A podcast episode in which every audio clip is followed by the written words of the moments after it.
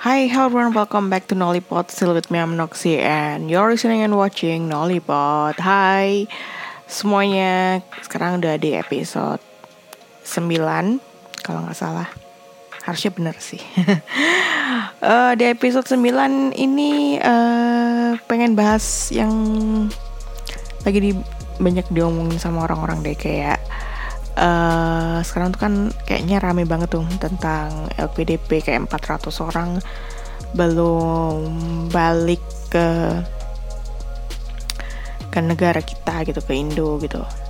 Jadi karena hampir 400 orang tuh ada di luar negeri lah gitu kan.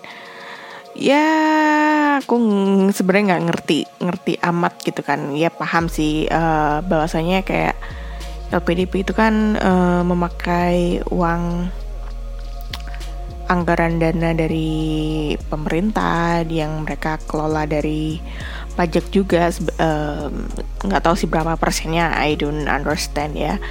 Uh, terus kemudian ya kemudian banyak tuh kayak opini-opini yang muncul di masyarakat gitu kan kayak ada di sisi lain yang banyak tuh yang kayak udah suruh balik suruh berindah terus penal tidak segala macamnya terus kemudian ada yang nggak terima.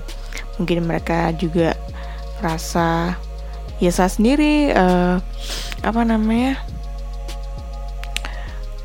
UMR di Indo tuh rendah gitu kan kayak apa ya mata uang kita tuh apa namanya nggak kuat gitu. Jadi yang yang menyebabkan UMR kita tuh sangat rendah gitu kan kayak tertinggi nggak ada 5 juta kali kan ya?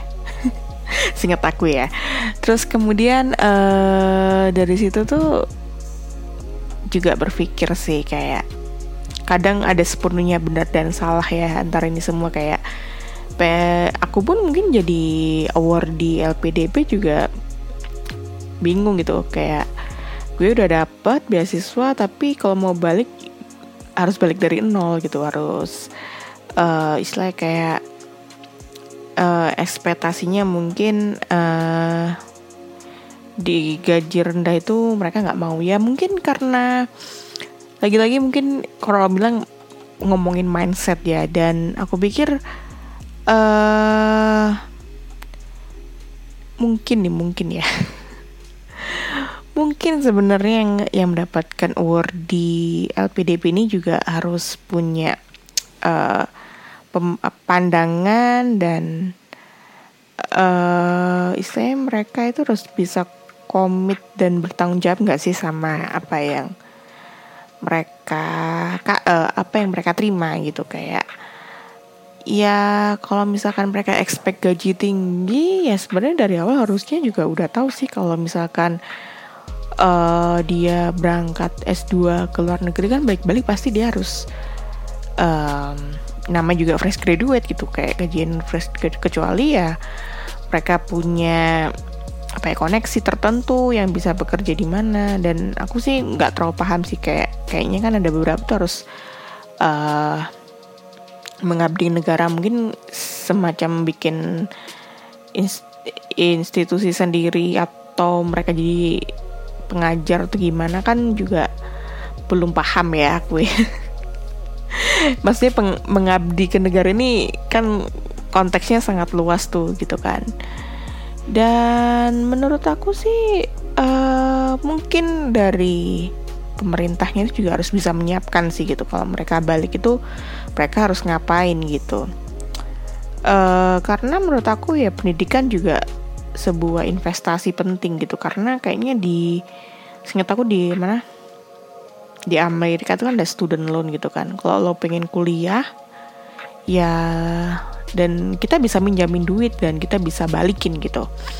Terus uh, apa namanya sungatku sih di Amerika tuh beberapa sekolah emang gratis. Maksudnya kayak dari sekolah-sekolah SD SMP yang negeri itu sungatku tuh gratis kayaknya ya. Aku pernah lihat di uh, twitternya Papin sama Ditut yang tinggal di NYC dan sekolah mereka anak sekolah mereka uh, anak mereka sekolah itu sekolahnya gratis gitu. Kecuali mungkin pas mereka udah mau kuliah itu udah mulai harus kayak nyiapin duit deh untuk untuk misalnya masuk kuliah.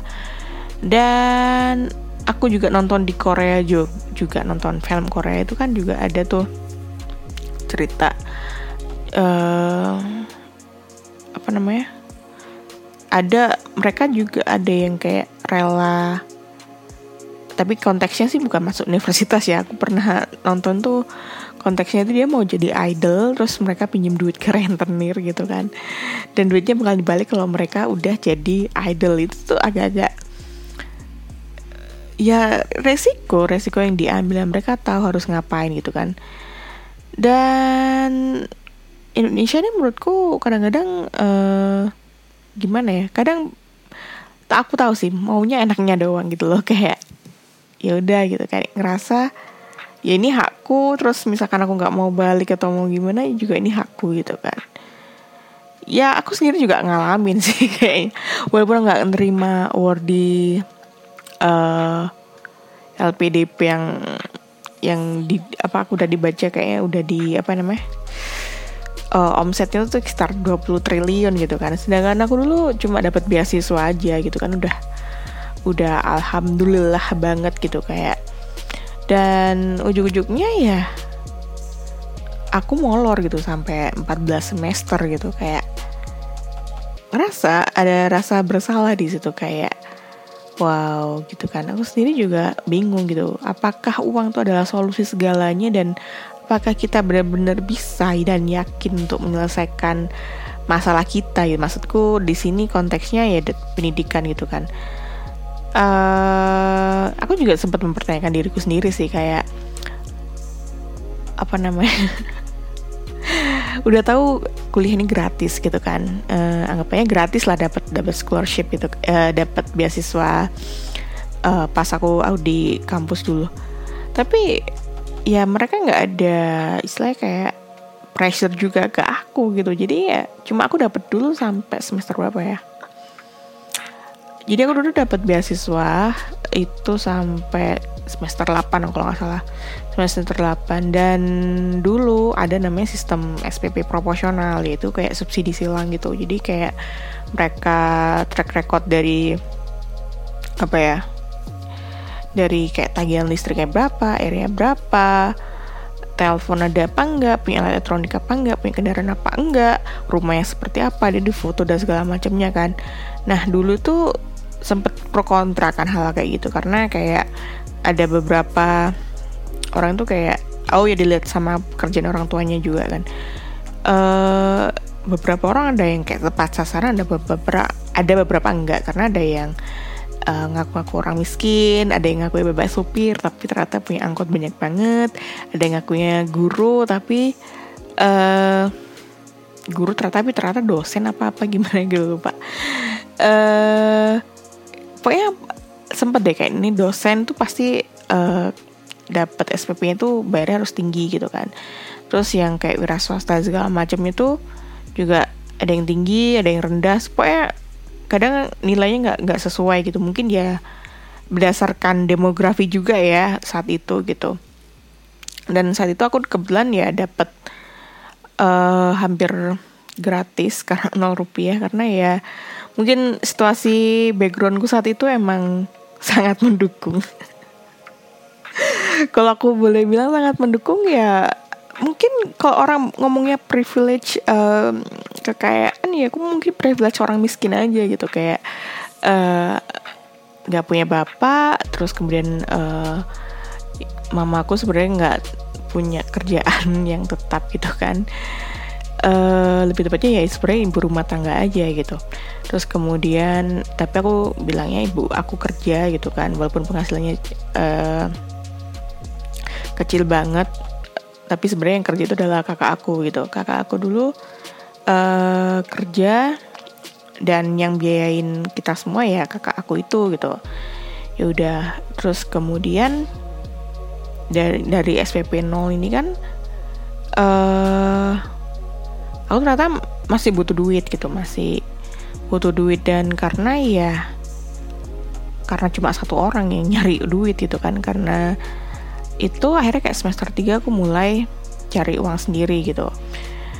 Dan dari situlah mungkin fokusnya kita orientasi mungkin pada uang gitu. Karena uh, apa ya ya ini mungkin pelajaran juga sih. Kayak sometimes I lost my passion in in education because like uh, everything needs money gitu. Kayak segala hal akhirnya tuh kayak terfokus gimana cara carinya uang dulu. Bukan uh, gimana kita bisa belajar lebih baik gitu.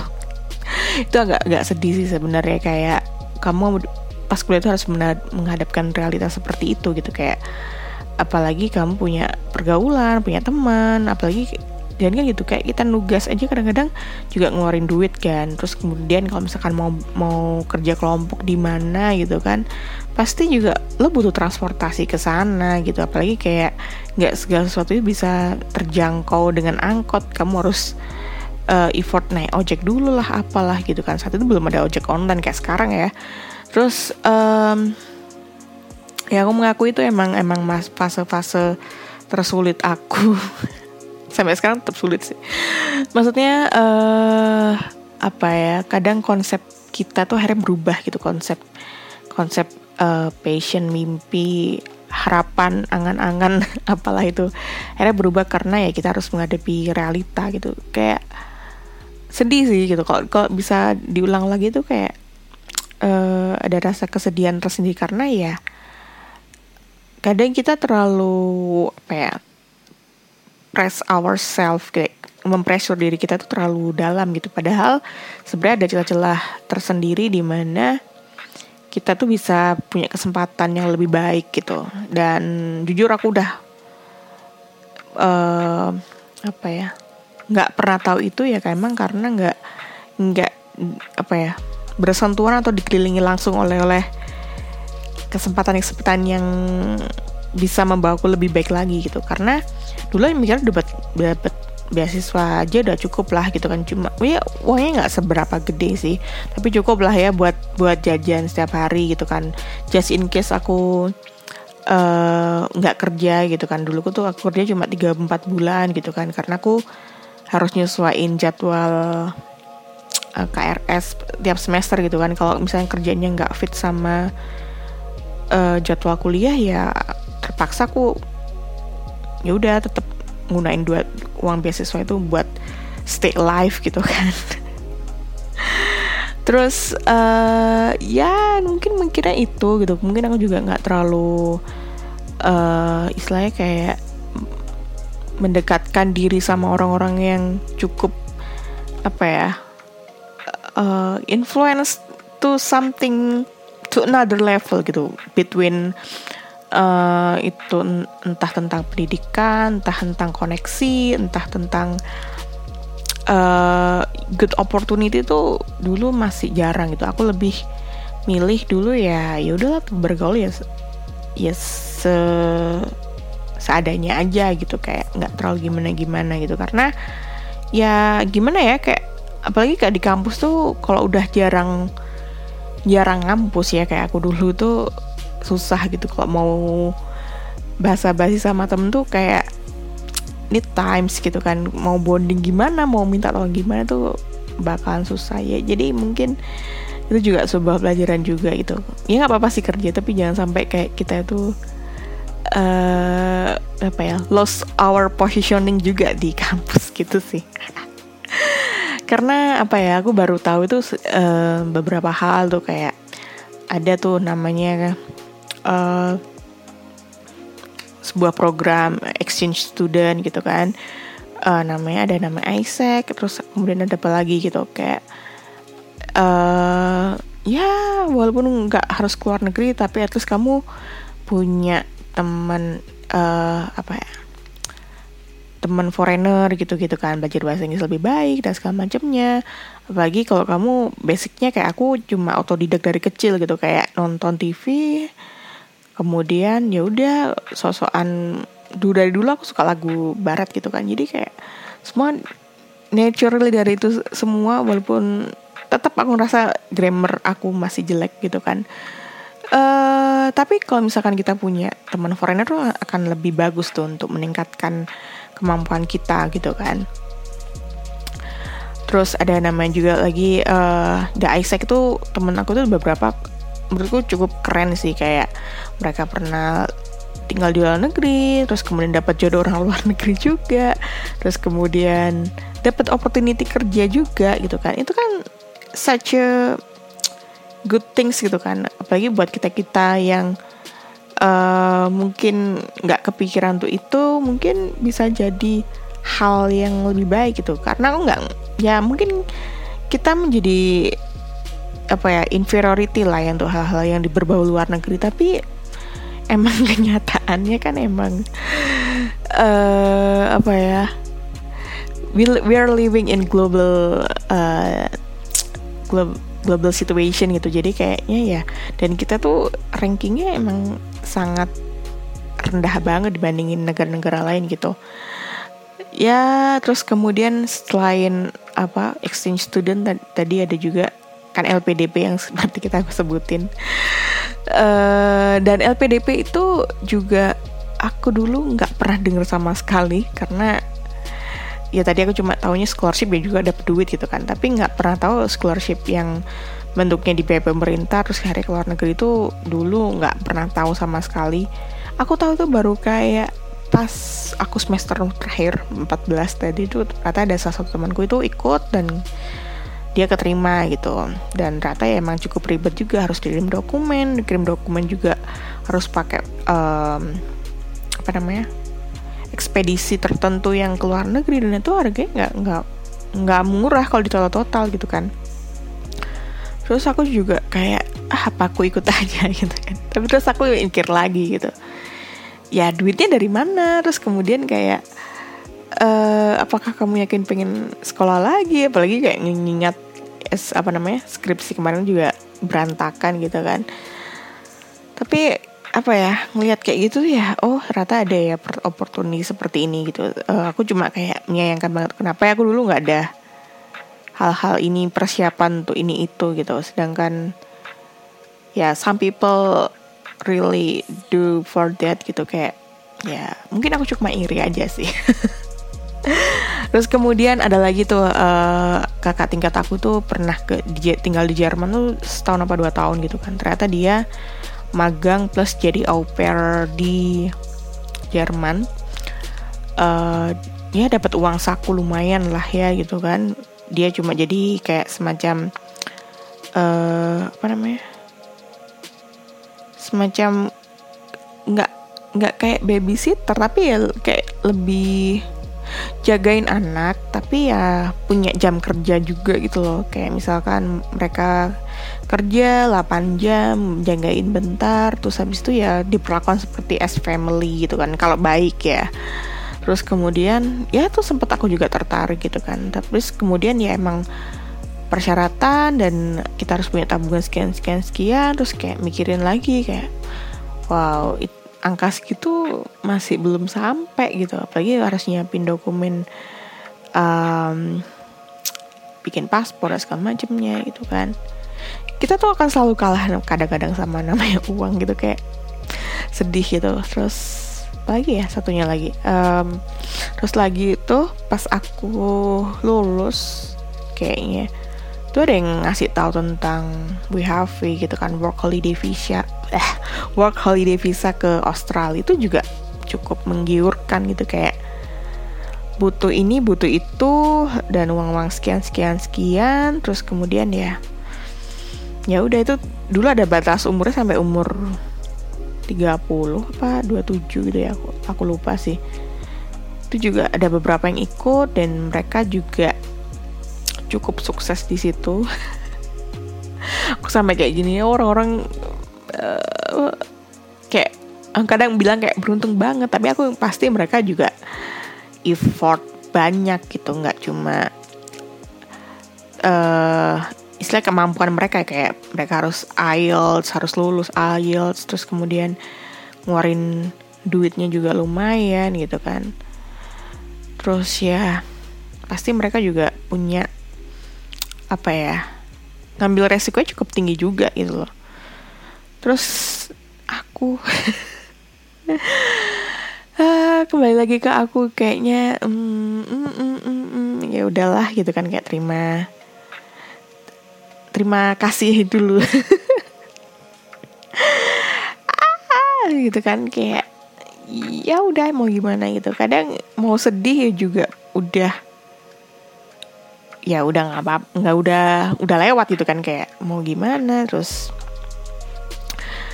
ya kita nggak pernah tahu sih uh, uh, pengen ini seperti apa lagi kayak melihat aku seperti sekarang tuh kan kayak ya segala sesuatu kan aku yang memutuskan gitu kan kalau sekarang uh, dan sebenarnya ya itu tadi gitu kan. Makin ke sini tuh kita tuh makin takut kok sebenarnya.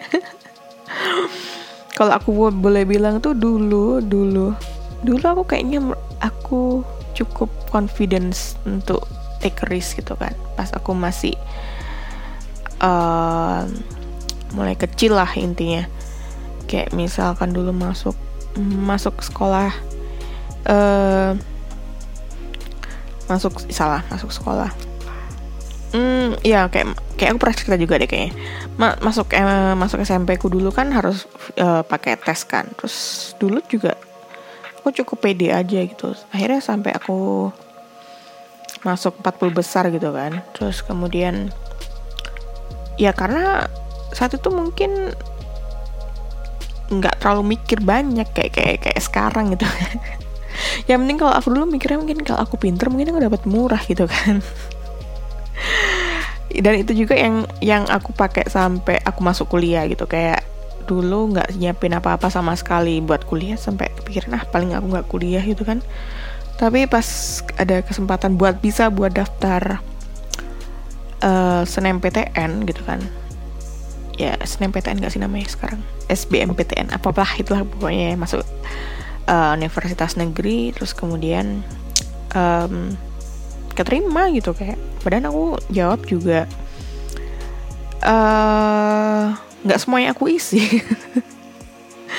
cuma pakai strategi aja gitu kayak uh, dulu sebenarnya kadang-kadang aku ngerasa diriku nggak pinter-pinter amat tapi uh, punya strategi khusus lah untuk bisa mengerjakan gitu. Dulu tuh mungkin karena apa ya? Karena keterbatasan tuh kadang membuat kita lebih agile gitu sama sesuatu gitu kan. Cuma beli apa namanya? buku latihan soal dan aku cuma mempelajari bagaimana mereka bikin soal gitu. Dari situ aku bisa jawab gitu aja sih sebenarnya ya istilah kayak pelajar problem solvingnya lah. Pasti kan orang-orang bikin pilihan tuh kan ada empat. Empat itu pasti satu jawaban benar. Jawaban kedua pasti ada yang mirip. Pasti yang satunya buat mengecohin kayak gitu gitu kan. Jadi jadi dulu tuh aku cuma pelajari hal-hal kayak gitu. Dan ya otodidak lagi-lagi. Karena dulu uh, sebenarnya ada sih kayak les sebelum ujian SNMPTN dulu. Tapi ya lagi-lagi nggak ada duit ya mau gimana gitu kan. Terus kalau sekarang sekarang sekarang gitu kita kembali ke fokus LPDP tadi.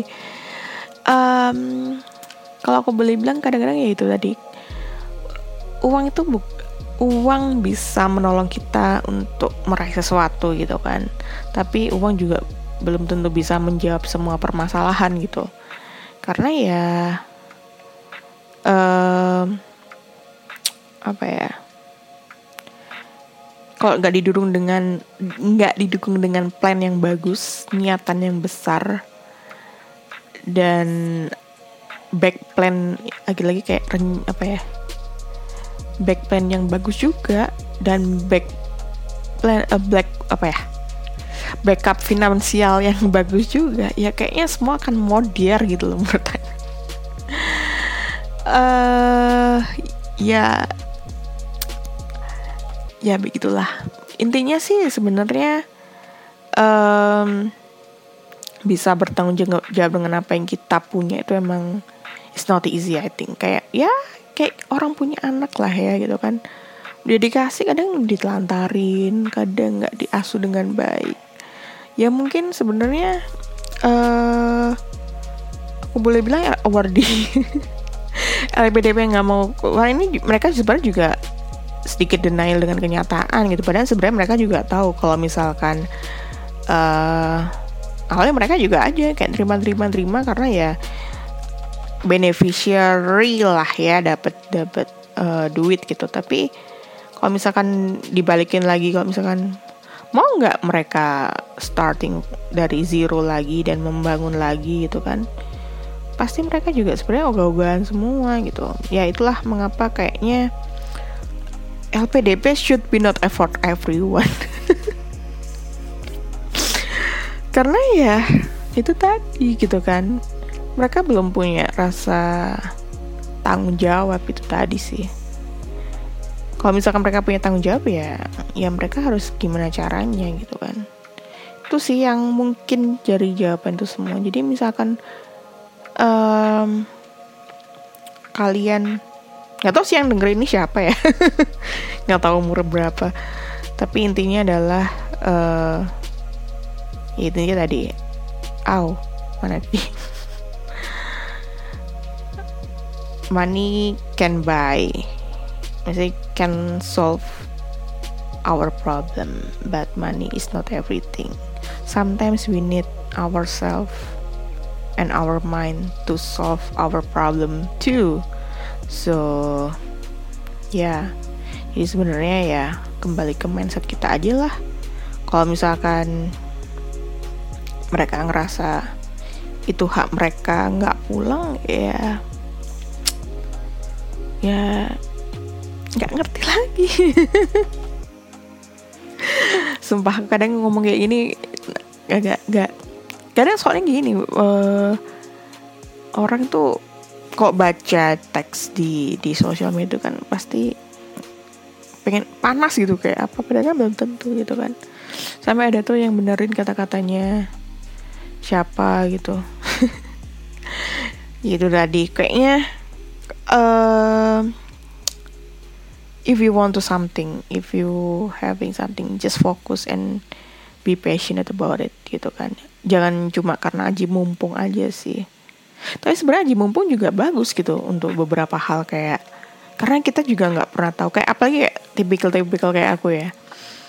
Uh, aku tuh merasa orang yang sangat tidak terencana sama sekali gitu kan kayak nggak ngerti aku harus ngapain nggak tahu aku kemarin uh, apa ya pengennya apa gitu kan.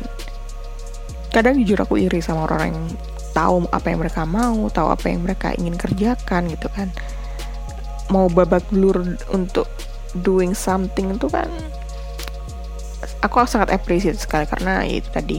Mungkin aku pernah mempunyai hal-hal tersebut cuma ya itu sudah lama sekali gitu. Kalau sekarang kan uh, apa ya kalau aku seperti itu lagi gitu kan pasti aku akan menempuh resiko yang cukup banyak gitu kan.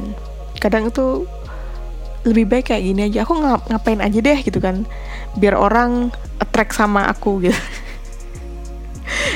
Ya, um, ya agak nggak sok pede juga sih. Tapi beberapa hal aku kadang apa ya yaudah aku gini aja dan segala macamnya gitu kan. Uh, karena aku pas aku juga tahu kayak beberapa orang yang sukses beberapa orang yang berhasil gitu kan. Bagi di internet dan segala macamnya itu kan juga berawal dari kayak aku aku gini deh. Yang sangat mediocre sekali. Terus kemudian uh, sampai akhirnya ya ada orang yang berinisiatif nge-reach kita untuk doing something bigger gitu.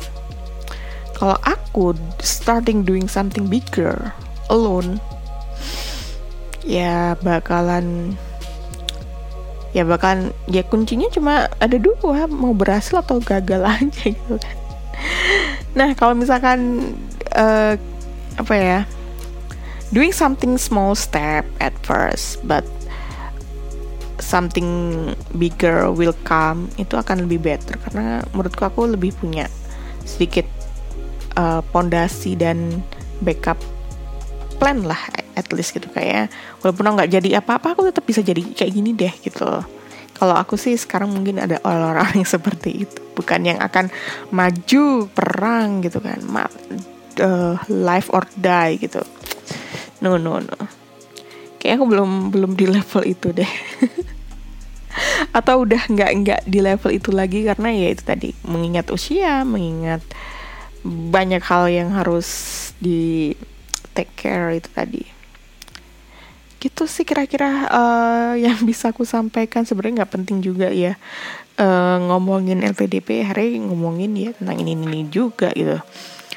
Ya intinya kalau ada kesempatan baik ya pergunakan dan manfaatkan. Dan tahu kalau misalkan kamu ngambil kesempatan itu tuh harus ngapain selanjutnya gitu harus punya jangka panjangnya seperti apa gitu.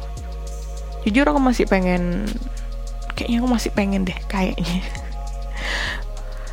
Uh, pengen nyesain urusanku di kampus yang biar biar aku punya ijazah. Aku sampai sekarang nggak belum punya ijazah S1 karena aku harus berusaha dengan administrasi dan dosen aku ya itu adalah hal yang aku harus segera aku hadapi sih tuh. Itu belajar bertanggung jawab lagi ya. Dan kalau misalkan itu terjadi aku akan segera update. Tapi nggak tahu juga karena itu cukup traumatis dulu ya. Ini aku sebenarnya kayak pengen ya kapan-kapan aku kayaknya udah pernah cerita apa aku udah cerita aku juga juga udah lupa. Intinya adalah uh, kalau misalkan aku udah dapat ijazah S1 ya aku mungkin bisa apply ke beasiswa keluar negeri juga. Tapi nggak tahu juga sih. Soalnya kayak mengingat kuliah tuh agak-agak gimana ya? Pengen sih kuliah-kuliah tuh sebenarnya menyenangkan tapi uh, ketika lo harus ngerjain hal-hal itu yang ngerjain tesis skripsi. Aku dulu ngerjain skripsi sih yang bikin stres sebenarnya. Kenapa sampai nangis lagi? Ah.